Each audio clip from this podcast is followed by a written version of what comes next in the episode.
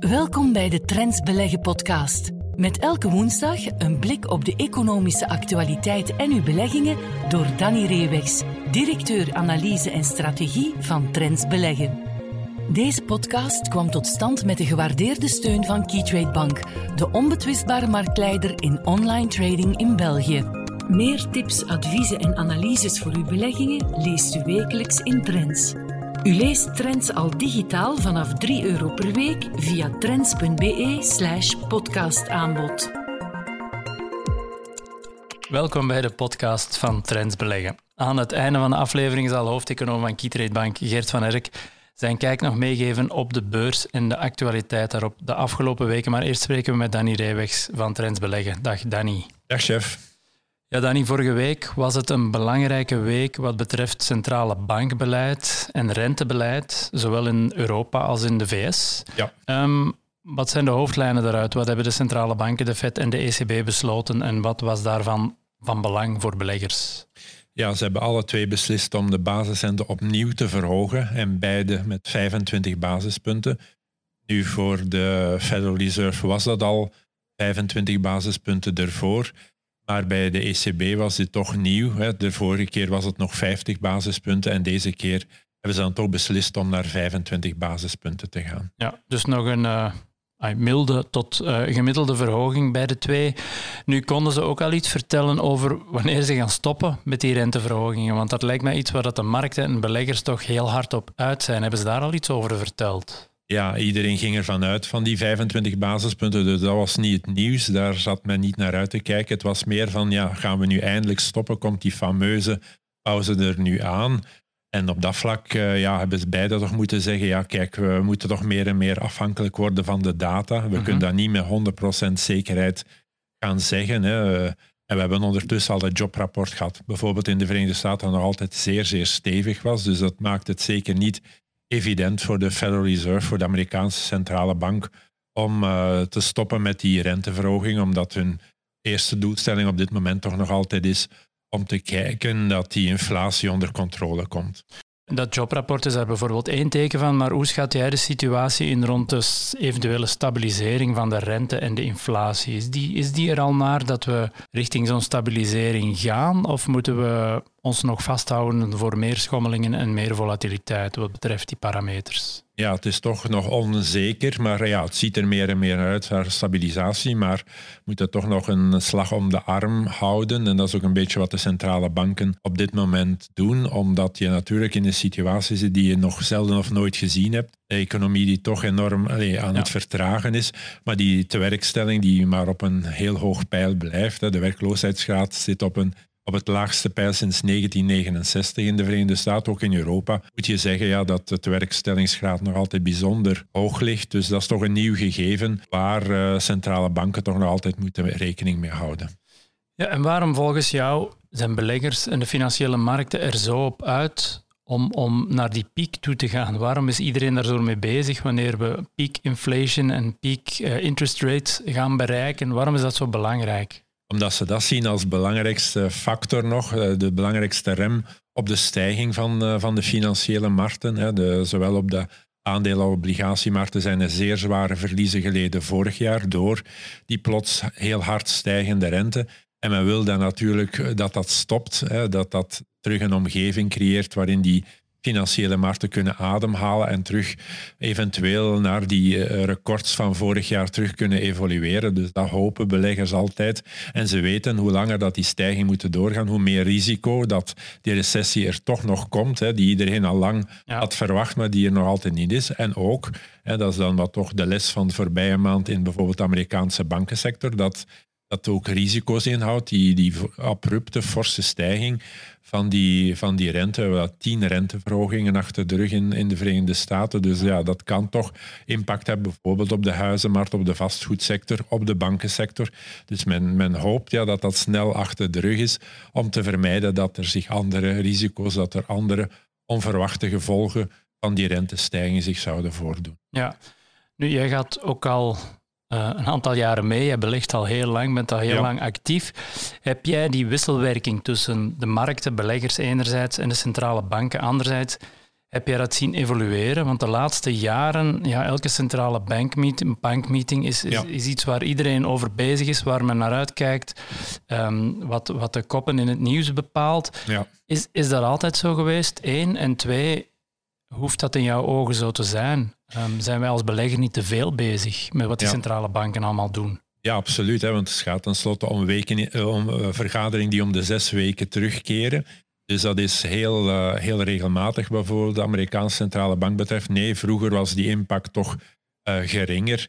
Uh, maar ja, sinds de bankencrisis heeft de Federal Reserve of, en de Europese Centrale Bank, eigenlijk alle centrale banken, toch een grotere rol gekregen hè, in het eh, onder, onderhouden, zal ik maar zeggen, van de economische groei naast uh, de prijsstabiliteit, hebben we toch gezien ja, dat uh, impact van de centrale banken op de prestatie van de financiële markten, bijvoorbeeld op de beurzen, dat die toch heel sterk is toegenomen, dat die heel stevig is. En vandaar ja, dat we zien in de één, twee weken voor een vergadering, ja, dat je al heel veel commentaren, verwachtingen ziet. Die markten die daar toch volledig door bepaald worden, veel meer dan door bedrijfsresultaten. En dat is een beetje te betreuren, want dan ga je inderdaad veel te veel naar die korte termijn kijken. En een belegger moet toch nog ook vooral bezig zijn met het zoeken naar goede bedrijven, eh, bedrijven die voldoen met hun bedrijfsresultaten aan de verwachtingen en dergelijke. Ja, dat is nu vaak wat op de achtergrond uh, verschoven. Ja, want tot slot, en dan voor de pure aandelenbelegger, waarvan ik denk dat het merendeel van het, uh, onze luisteraars, ja. Ehm, dat zijn, ja, moeten zij er überhaupt mee bezig zijn met dat monetaire beleid en die centrale banken, denk je? Deels wel, maar ja, dat zou niet zo een, een verpletterend overwicht mogen, mogen krijgen. Zoals gezegd, ja, ja. De, de, tijd die je steekt in al die commentaren, al die stukken, opinies daarover te lezen, kan je niet uh, steken in het zoeken naar uh, de volgende aankoopkandidaat uh, voor je portefeuille. Of dat je de resultaten van waarde in portefeuille, dat je daar wat rapper overheen gaat en misschien niet merkt ja, dat er dingen eh, in de verkeerde richting aan het evolueren zijn, dat je eigenlijk misschien best zou, ja. zou gaan verkopen. Ja, dat risico bestaat dat je dat een beetje gaat vergeten en, en te veel gaat focussen. Ja, wat gaan ze nu doen en, en wat is de impact dan op de markt? Gaat, het, gaat dat negatief zijn? En wat als ze 25 of 50 doen? Ja, dat, dat is iets dat bepalend is op korte termijn, maar veel minder doorslaggevend is op lange termijn. Dat zal dan toch nog altijd de keuze zijn van die individuele aandelen. Ja, en komend bij die individuele aandelen, de twee die jij hebt bijgehaald voor deze week zijn enerzijds AB InBev en Microsoft. Om te beginnen bij de, bij de bierbrouwer, bij AB InBev. Ja. Um, wat zijn de hoofdlijnen uit de recente kwartaalresultaten van AB InBev? Um, hoe was dat in verhouding tot het vorige kwartaal en ook ten opzichte van de verwachtingen van de analisten? Ja, we moeten toch zeggen dat er uh, toch met enige uh, voorzichtigheid werd gekeken naar resultaten om twee redenen. Eén, omdat na een lange periode, vijf op een van de kwartalen waarin AB InBev had kunnen overtuigen en beter had kunnen doen dan verwachtingen, was dat in het vierde kwartaal van vorig jaar plots niet meer het geval. Uh -huh. En dat was één element. En het andere element was de resultaten enkele weken voordien van Heineken. Dat toch een ja, de bierbrouwer waar AB InBev het meest mee wordt uh, vergeleken, ja, daar Heineken had toch wel teleurgesteld. Hij had niet aan de verwachtingen kunnen voldoen. En dus in die zin is het de hele opluchting om vast te stellen dat AB InBev dat wel heeft kunnen doen in ja. die eerste drie maanden van 2023. Alleen de volumegroei was 0,9 procent, ietsje minder dan de 1 procent die verwacht werd. Maar ja. de rest was eigenlijk allemaal beter dan verwacht. Een geruststelling.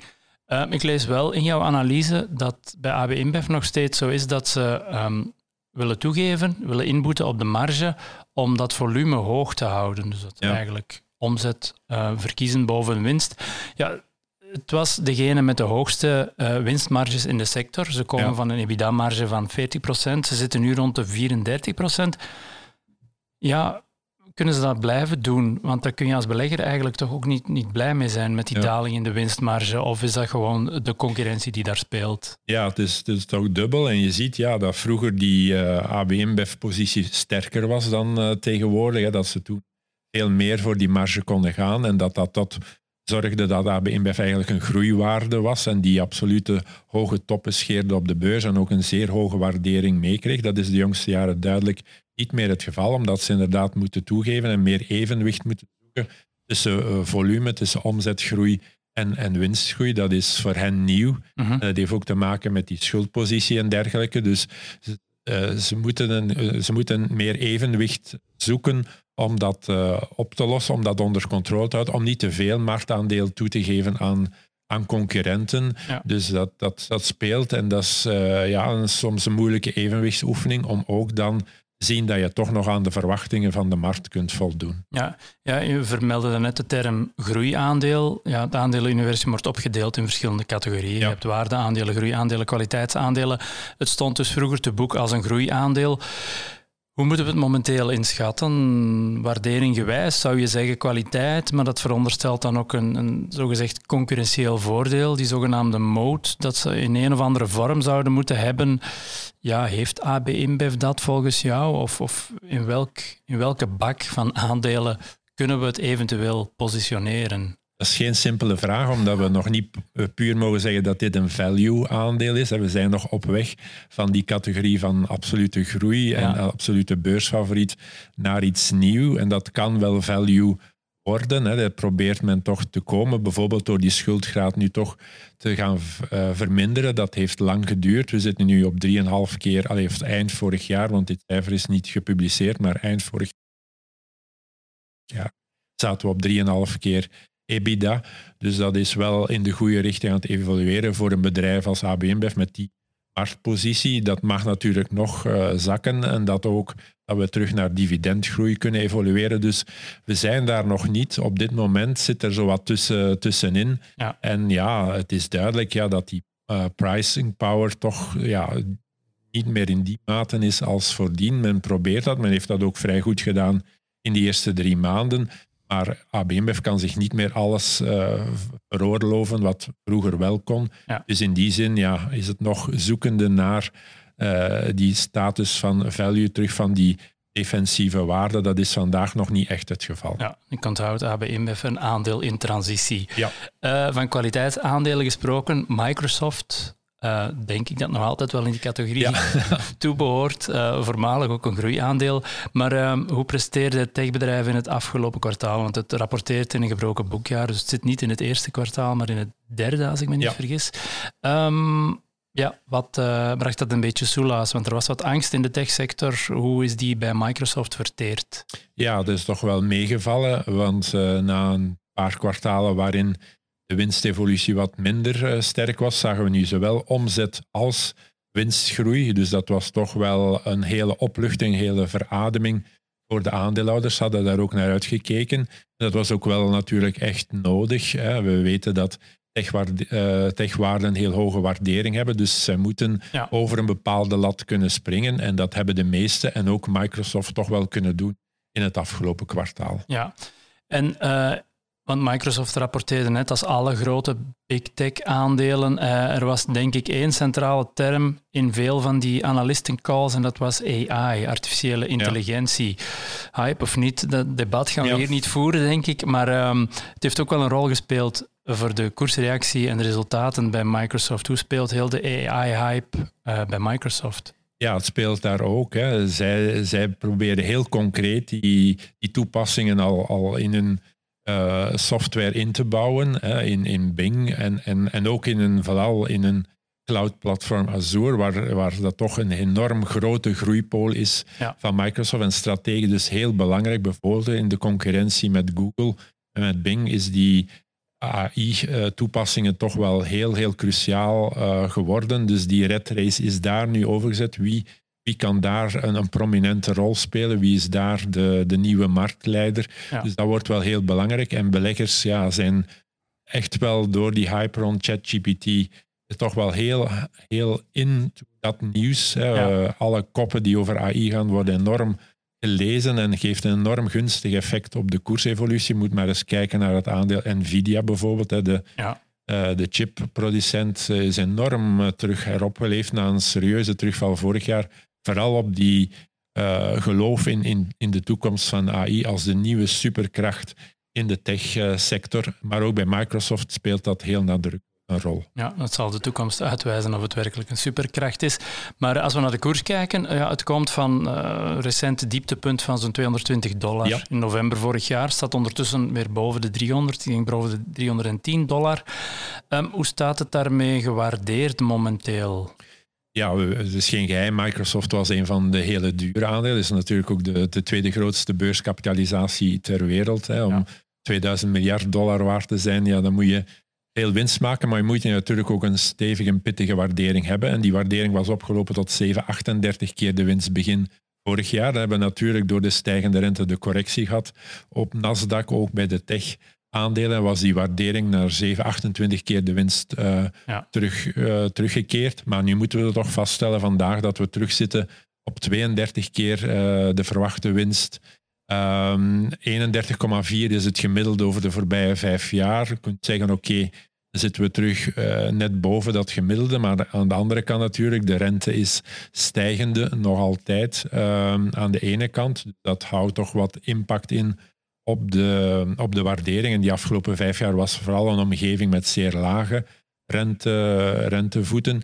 En twee, ja, wat zal de bijdrage zijn van AI in de resultaten? Ja, dat is heel moeilijk in te schatten in het algemeen, maar ook voor de resultaten van, van Microsoft. En algemeen mogen we ook denken, ja, dat zal moeilijk zijn om dezelfde groeivoeten te houden die we de afgelopen vijf à tien jaar hebben gehad bij Microsoft. Dus in die zin ja, is toch uh, terug vrij stevig gewaardeerd. Niet zo overdreven als begin vorig jaar. Ja. Maar bon, uh, goedkoper is het aandeel de voorbije tijd zeker niet geworden. Nee, ik wou net zeggen, het is nog verder verwijderd van een value-aandeel dan AB InBev waarschijnlijk. Absoluut. Oké, en daarmee zijn we rond voor deze week. Je bent heel hard bedankt voor jouw inzichten en graag tot de volgende keer. Tot volgende keer. Dag. We luisteren nu naar Geert van Herk, Chief Economist van Keytrade Bank met zijn analyse op een aspect van de economische actualiteit. Hallo iedereen en welkom bij de Trends Beleggen podcast. In de podcast van vandaag wens ik even stil te staan bij de evolutie van de wereldeconomie. Want ja, je kan vandaag de dag eigenlijk ja, geen krant of economisch tijdschrift openslaan of je vindt wel een economist, een vermogensbeheerder, een analist die zegt van ja kijk, we moeten toch oppassen, want uh, een recessie staat voor de deur. Dat is ook meestal geen goed nieuws voor de evolutie van de bedrijfswinsten. En daaruit volgt dan, ja, pas toch een beetje op met uh, beleggingen in aandelen op dit moment. Want ja, die recessie staat voor de deur. Als ik me baseer op enkele belangrijke economische indicatoren om een beetje de gezondheidstoestand te kennen van de wereldeconomie, dan baseer ik me vooral op het maandelijks rapport over de evolutie van het wereldwijde producentenvertrouwen. Dat is een rapport dat week, uh, maandelijks verschijnt, telkens ja, de eerste dagen van elke nieuwe maand. Dat is wat men een beetje noemt de PMI-cijfers, de JP Morgan Global Manufacturing PMI of de JP Morgan Global Composite PMI. Dat zijn allemaal indicatoren die een, een goede evolutie weergeven van de wereldeconomie. En wat blijkt eigenlijk? Hè? Want begin mei zijn opnieuw deze rapporten gepubliceerd, dus we kunnen die raadplegen om even te kijken van ja, hoe gaat het er eigenlijk aan toe in de wereldeconomie? En eerlijk gezegd, ja, die cijfers blijven nog altijd gunstig ontwikkelen. U weet het, als we naar vertrouwenscijfers kijken, die PMI-cijfers, dan kijken we vooral naar de evolutie, maar ook het niveau. Want men zegt dikwijls, als die indexen boven de 50 punten noteert, ja, dan kunnen we spreken van een economische expansie. Zitten we onder de 50 punten, dan spreken we eerder van een krimp. En dan komen we inderdaad in uh, recessieterritorium. Goed, waar staan deze indexen begin mei? De JP Morgan Global Manufacturing PMI bijvoorbeeld, die staat op het niveau van 50,8. Dat is iets meer dan uh, een maand geleden. Maar, eh, vergeet niet, eind vorig jaar, toen zaten we zelfs uh, negatief uh, onder die 50 punten. En toen was inderdaad wel, denk ik, de recessievrees terecht. onder de 50 punten, ik herhaal. Dat is, wijst eerder op een krimp van de economische activiteit. Maar vandaag de dag zijn we opnieuw boven de 50 punten uitgestegen. Dus eigenlijk denk ik wel een, een positieve evolutie. Daar kunnen we zeker niet negatief over zijn. Als we dan kijken naar de Global Composite PMI-index, de composite, die houdt zowel rekening met de activiteit in de industriële sector als in de dienstensector. En daar staan we zelfs op een niveau van 54,2 punten. Uh, dat is het laatste cijfer, dat is eind april, gepubliceerd begin mei. En één maand geleden was het nog 53,4. Dus we zijn van 53,4 naar 54,2 gegaan. Dus dat is eigenlijk een mooie sprong voorwaarts. Opnieuw, dat bevestigt toch zeer duidelijk dat ja, de belangrijkste economische regio's nog altijd in een economisch groeiscenario zitten. Het zijn zeker geen cijfers die er nu op wijzen uh, ja, dat we voorzichtig moeten zijn, omdat we moeten zeggen van kijk, nu uh, is er echt wel vrees voor een internationale economische recessie. Op basis van deze rapporten, hè, dus zowel voor de industrie als voor de dienstensector, uh, zitten we met niveaus boven de 50 punten. Opnieuw, hè, dat is positief nieuws, dus op dit ogenblik, als ik naar die cijfers kijk, kan ik me zeker niet aansluiten bij ja, de economisten die, die vrezen uh, voor een uh, economische uh, recessie. En daardoor ben ik eigenlijk op dit moment ook nog altijd ja, vrij positief gestemd voor de beurzen, voor aandelenbeleggingen. Je mag ook niet vergeten, ik denk dat het voor de media ook altijd ja, interessanter is om wat ja, negatiever nieuws of nieuws dat een beetje ja, contrair is, dat tegengaat tegen de heersende overtuiging van dat te brengen. En want dat speelt natuurlijk in op de emoties en zorgt er ook voor dat artikels gelezen worden als, dat een, als daar een soort van alarmerende krantenkop uh, boven staat. Dus ja, laat u zeker niet uh, misleiden door uw emoties als u die krantenartikels leest over ja, een nakende economische recessie of pas op, het gaat economisch niet zo goed. Op basis van ja, de indicatoren die ik zo net heb aangehaald, is er geen enkele duidelijke reden om nu te zeggen van kijk, ja, we staan aan de vooravond van de recessie. Het is nu aangewezen om een defensieve uh, beleggingspolitiek te gaan voeren Opnieuw, daar is op dit moment geen enkele aanleiding voor, dus laat u zeker niet bang maken. Hm? Opnieuw, als we naar de beurzen kijken, de Stock Europe 600, de S&P 500, de Nasdaq, ja, die bereiken nog allemaal opnieuw ja, vrij hoge niveaus. Het hoogste pijl dat we het afgelopen twaalf maanden gezien hebben. Ook daar zijn er nog altijd duidelijke signalen dat we in een stijgende trend zitten. Een stijgende trend die gekenmerkt wordt door steeds hogere bodems. En dat patroon is voor alle belangrijke uh, westerse nog altijd intact. Dus ook daar krijgen we eigenlijk geen enkel nieuws hè, of geen enkel signaal om te gaan zeggen van kijk, we zijn nu opnieuw terechtgekomen in een dalende trend. En het is aangewezen om bijvoorbeeld de aandelenblootstelling af te bouwen of te switchen naar defensievere aandelensectoren. Nee, ik herhaal het nog eens, op dit moment, zowel economisch als van de markten zelf, is er geen uh, signaal om nu voorzichtig, om nu defensief uh, te gaan beleggen. Dus eigenlijk een beetje de boodschap van deze podcast is eigenlijk nog altijd van ja, laat u zeker niet uh, emotioneel meeslepen in, in negatief nieuws dat we dagelijks over ons krijgen in de financieel-economische media. Inderdaad, er bestaan risico's, die zijn er altijd op de financiële markten. Hm? Iets wat we de afgelopen dagen natuurlijk ook vrij vaak lezen, zijn die problemen in de Amerikaanse bankaire sector. Maar opnieuw, die hebben tot op de dag van vandaag nog niet geleid tot een zware sell-off op de beurzen. En zolang we dat eigenlijk niet zien, opnieuw, ik val een beetje in herhalingen, maar is er geen enkele aanleiding om u defensief te gaan positioneren uh, in uw aandelenportefeuille. Dus ja, Conclusie van deze podcast: macro-economisch gaat nog altijd alles de goede richting uit. De meest belangrijke uh, economische indicatoren wijzen op een, maand na maand herstel van de economische activiteit. Op de beurzen zien we nog altijd uh, dat men. Uh, sinds dit jaar nieuwe topkoersen aan het bereiken is. Het patroon van hogere bodems is nog altijd intact. Dus ook daar kunnen we, denk ik, toch vrij offensief blijven beleggen. Dus opnieuw, geen enkel vuiltje aan de lucht. Zolang die toestand niet verandert, denk ik, is het niet aangewezen om voorzichtiger, defensiever te gaan beleggen. We spreken elkaar opnieuw in de podcast van volgende week. Dank u alvast voor uw aandacht. Meer tips, adviezen en analyses voor uw beleggingen leest u wekelijks in Trends. U leest Trends al digitaal vanaf 3 euro per week via trends.be/slash podcastaanbod. Deze podcast kwam tot stand met de gewaardeerde steun van Keytrade Bank, de onbetwistbare marktleider in online trading in België. Volgende week zijn we er opnieuw.